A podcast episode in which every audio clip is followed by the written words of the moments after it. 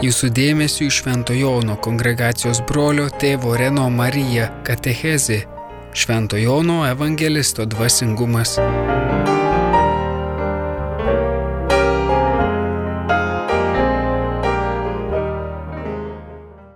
Šiandien visa bažnyčia švenčia šventąjį Joną, apaštalą. Kadangi esu Švento Jono bendruomenės narys, kalbėti apie šventąjį Joną džiugina mane, nes jis yra mano bendruomenės globėjas, net ir tėvas. Ir mano pašaukimas yra stengtis sekti Kristų, taip kaip šventasis Jonas ėjo paskui jį. Taigi, šiandien norėčiau jums pasiūlyti šiek tiek apmastyti apie šventąjį Joną ir kalbėti apie jį. Nuo bažnyčios pradžios šventasis Jonas yra laikomas kaip vienas iš didžiausių šventųjų. Naujame testamente jis yra labai svarbus. Jis yra palyginamas su šventuoju Petru ir su šventuoju Paulumi. Pagal seną krikščionišką tradiciją apaštalas Jonas yra ketvirtosios Evangelijos autorius. Ir mes galime pastebėti, kad šitoje Evangelijoje pagal Joną niekada neatrandame jo vardo. Mes atrandame kitų apaštalų vardus, bet niekur nėra Jono apaštalo vardo.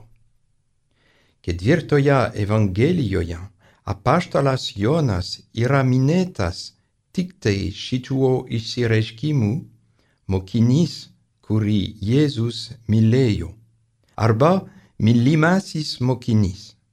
Šitas išsireiškimas yra tarsi šventojo Jono pravardė ketvirtoje Evangelijoje. Jonas turi ne vien šitą pravardę jis turi dar kitą pravardę. Morkaus Evangelijoje mes skaitome, kad Jėzus pavadino Joną Boanerges. Šitas keistas žodis Boanerges aramėjų kalboje reiškia graustinio vaikas. Taigi, Biblijoje Jonas yra mylimasis mokinys ir graustinio veikas. Šventasis Jonas dar turi kitą pravardę - teologas. Šita pravardė nėra Naujame testamente, bet ji yra labai senoje tradicijoje. Šitas Jono pavadinimas - teologas - yra vartodamas ypač rytų bažnyčiose. Taigi, Šventasis Jonas turi tris pravardės. Pirma pravardė - mylimasis mokinys. Antra pravardė - Boanerges, tai yra graustino veikas. Ir trečia pravardė - teologas. Jums siūlau šiandien šiek tiek mąstyti apie šitas tris šventojo Jono pravardės. Pirmą kartą šventasis Jonas kalba savo Evangelijoje apie mylimąjį mokinį, tai yra, kai jis kalba apie paskutinę vakarienę. Jis papasakoja, kad per paskutinę vakarienę vienas iš dvylikos apaštalų buvo labai arti Jėzaus. Jis rašo, vienas mokinys, kurį Jėzus mylėjo, buvo prisiglaudęs prie Jėzaus krūtinės. Šitas mylimasis mokinys yra pats Jonas, kuris, būdamas prisiglaudęs prie Jėzaus krūtinės, yra prisiglaudęs prie jo širdies. Būti prie Jėzaus širdies yra mylimojo mokinio vieta.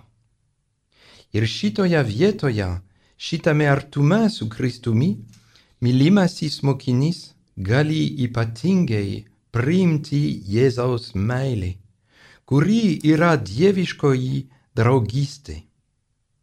Jėzus bylojo savo mokinams per tą pačią paskutinę vakarienę, nebevadinu jūsų tarnais, jūs aš draugais vadinu.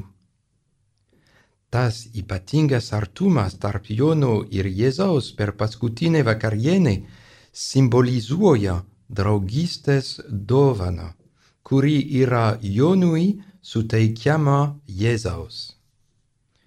Jėzus iš tikrųjų trokšta gyventi su Jonu dieviškojoje bičiulystėje. Jonas priima šitą Jėzaus norą ir jis drįsta tikėti, kad tai yra tiesa, kad iš tikrųjų Jėzus vadina jį draugu. Tai sukelia Jono širdyje didelį ir gilų džiaugsmą, nes jis pats trokšta gilaus bendrystės su Jėzumi. Šitas draugiškas ir asmeniškas ryšys su Jėzumi yra giliausia Jono laimė. Jam svarbiausias dalykas yra, kad jis yra mylimasis Jėzaus, mylimas Dievo. Ir štai kodėl jis vadina save mylimuoju mokiniu. Tai yra jo tapatybė jo identiškumas yra toks, tas, kurį Jėzus mylėjo.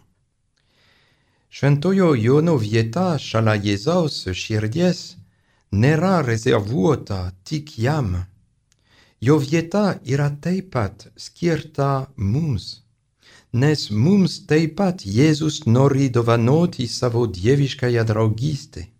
Jis nori, kad kiekvienas žmogus patirtų kad jis yra mylimas Dievo. Mes visi buvome sukurti tam, kad taptume Jėzaus bičiuliais, Dievo draugais. Šitie Jėzaus žodžiai nebevadinu jūsų tarnais, jūs aš draugais vadinu, yra skirti ne vien tik Jonui, ne vien tik mokinams, bet ir kiekvienam žmogui. Nes kiekvienam žmogui Jėzus nori dovanai suteikti savo dieviškąją draugystę, kuri kyla iš Jėzaus gailestingumo, nes mes to nesame verti. Šita paslaptinga draugystė su Jėzumi yra svarbiausias dalykas mūsų gyvenime būti Dievo mylimeisiais. Tai yra mūsų giliausia ir autentiškiausia tapatybė. Jėzaus akise mes visi turime tą pačią šventojo Jono pravardę - mylimasis mokinys. Taip kaip šventasis Jonas, drįskime tada tikėti, kad tai yra tiesa.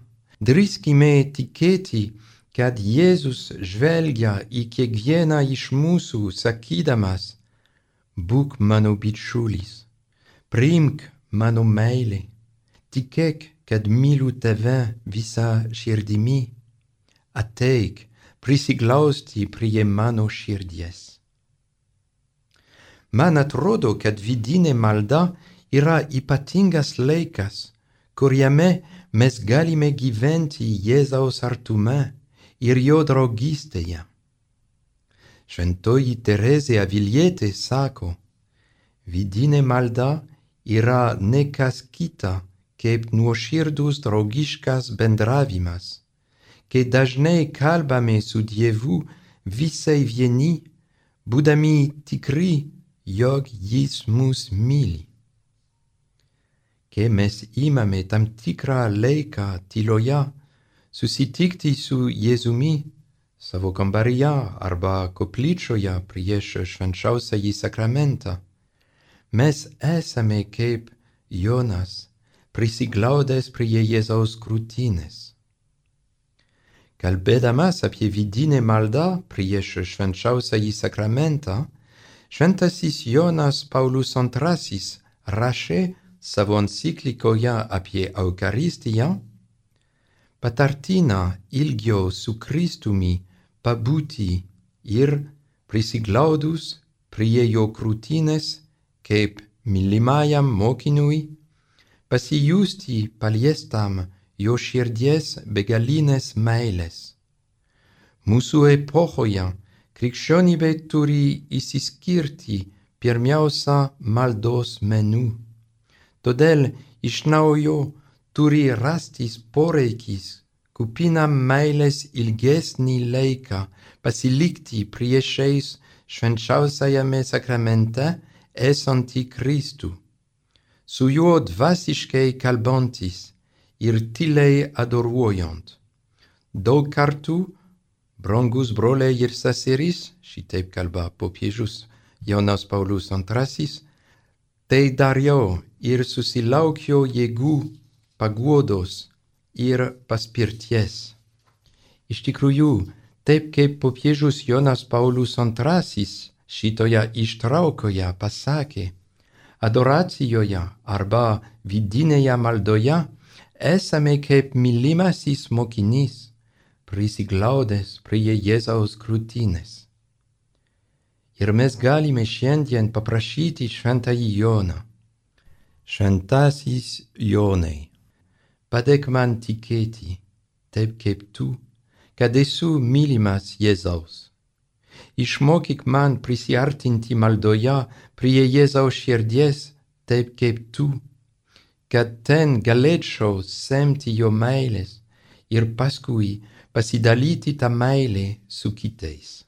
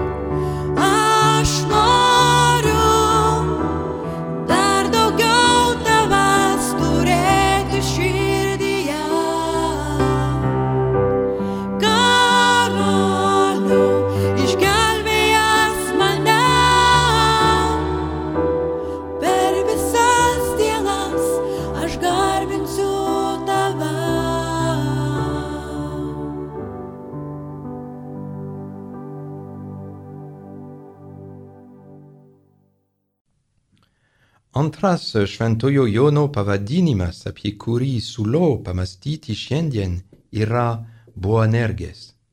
Tai yra Graustino veikas.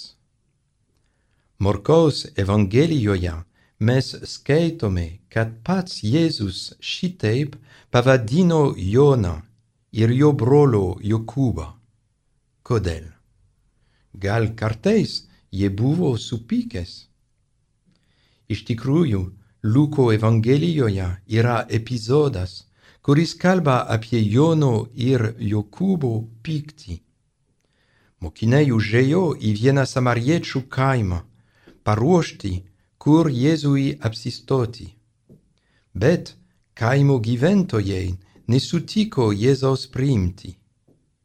Tai girdėdami Jokūbas ir Jonas nebuvo patenkinti ir sušuko Jėzui, viešpatie, jei nori, mes liepsime ugniai kristi iš dangaus ir juos sunaikinti. Bet Jėzus atsisukęs sudraudė juos. Šitas epizodas mums rodo, kad Jonas turėjo stiprų charakterį ir stiprų temperamentą.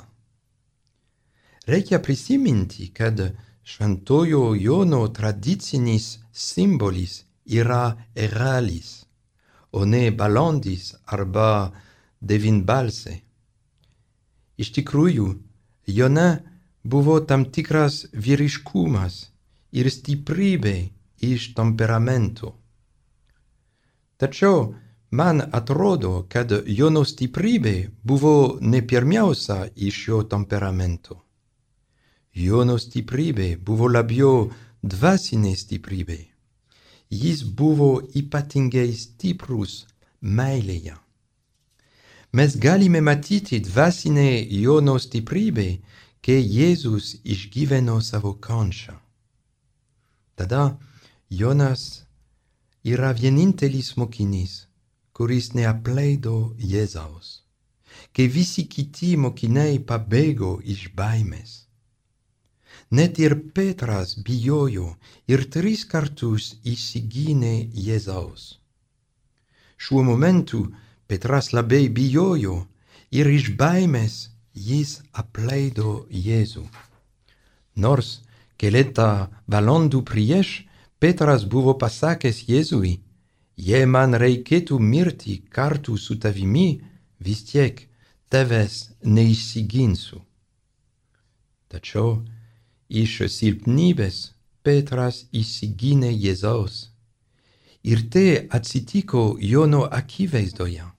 Jonas tada buvo kartu su Petru ir jis matė Petrą įsiginantį Jėzaus. Ir tai buvo Jonui didelis smūgis, nes Petras buvo apaštalų vadovas ir jis buvo Jono vyresnis. Kai Jėzus buvo areštuotas alyvų sode, visi mokiniai pabėgo, išskyrus Petrą ir Joną, kurie ėjo paskui Kristų kuris buvo vedamas pas vyriausiąjį kunigą. Tada Petras buvo tikra atrama Jonui. Bet kai vyriausiojo kunigo tarnaitė paklausė Petrą, ar jis yra Jėzaus mokinis, tada Petras įsigynė ne vien kartą, bet tris kartus. Ir tada Jonas liko vienas, be Petro atramos. Jonas tapo vieninteliu mokiniu, kuris pasiliko kartu su Jėzumi, nepaisant baimės būti suimtas ir nuteistas taip kaip jis. Jonas yra vienintelis iškikimas mokinys, kuris ėjo paskui Kristų iki kryžiaus. Ir tai rodo, kad jame buvo didelė, tarsi didvyriška vidinė stiprybė. Ir šita vidinė stiprybė yra meilės stiprybė, kurios šaltinis yra šventoji dvasia. Kai Jėzus praneša apaštalams apie sėkmines, jis kalba apie šventąją dvasą, vartodamas šiuo išsireiškimu jėga iš aukštybių. Šventoji dvasia yra jėga iš aukštybių. Šitos dieviškosios jėgos dėka Jonas galėjo eiti paskui Kristų iki kryžiaus. Biblijoje šventosios dvasios yra tam tikra prasme simbolizuojama graustino. Šventasis Jonas yra graustino vaikas dėl to, kad jame veikia šventoji dvasia, kuri yra jėga iš aukštybių ir kurios veikimo dėka Jonas buvo ištikimas Kristui iki galo, iki kryžiaus. Būti ištikimam Jėzui visame kame, taip kaip šventasis Jonas, yra nelengva. Kad ištikimiai sektume paskui Kristų, Mums reikia būti stipriais, taip kaip šventasis Jonas. Mes negalime būti ištikimi, jeigu mes, mes nestengiamės pranokti savo emocijas, savo baimės, savo liūdėsis, savo pykščius, savo nusiminimus ir taip toliau. Iš tikrųjų, keliauti kasdieniname gyvenime su Kristumi reikalauja pastangų ir šventosios dvasios jėgos. Tik šventosios dvasios dėka mes galime nuolankiai ir kantriai keliauti, nepaisant sunkumų ir silpnybių. Šventoji dvasia mums suteikia vilties jėgą, dievų pasitikėjimo jėgą. Ji suteikia irgi meilės jėgą, kurios dėka mes galime mylėti kitus, jiems tarnauti, jų atsiprašyti ir jiems atleisti. Taigi, šiandien mes galime paprašyti šventąjį Joną, šventasis Jonė, tu, kuris esi boanergės, graustino vaikas, melsk už mus, kad šventoji dvasia mums suteiktų meilės stiprybę vilties ir tikėjimo stiprybė. Šitaip būsime ištikimi Jėzui iki galo, taip kaip tu, nepaisant visokių sunkumų ir pagundų sustoti ir nebeeiti pirmin paskui Kristų.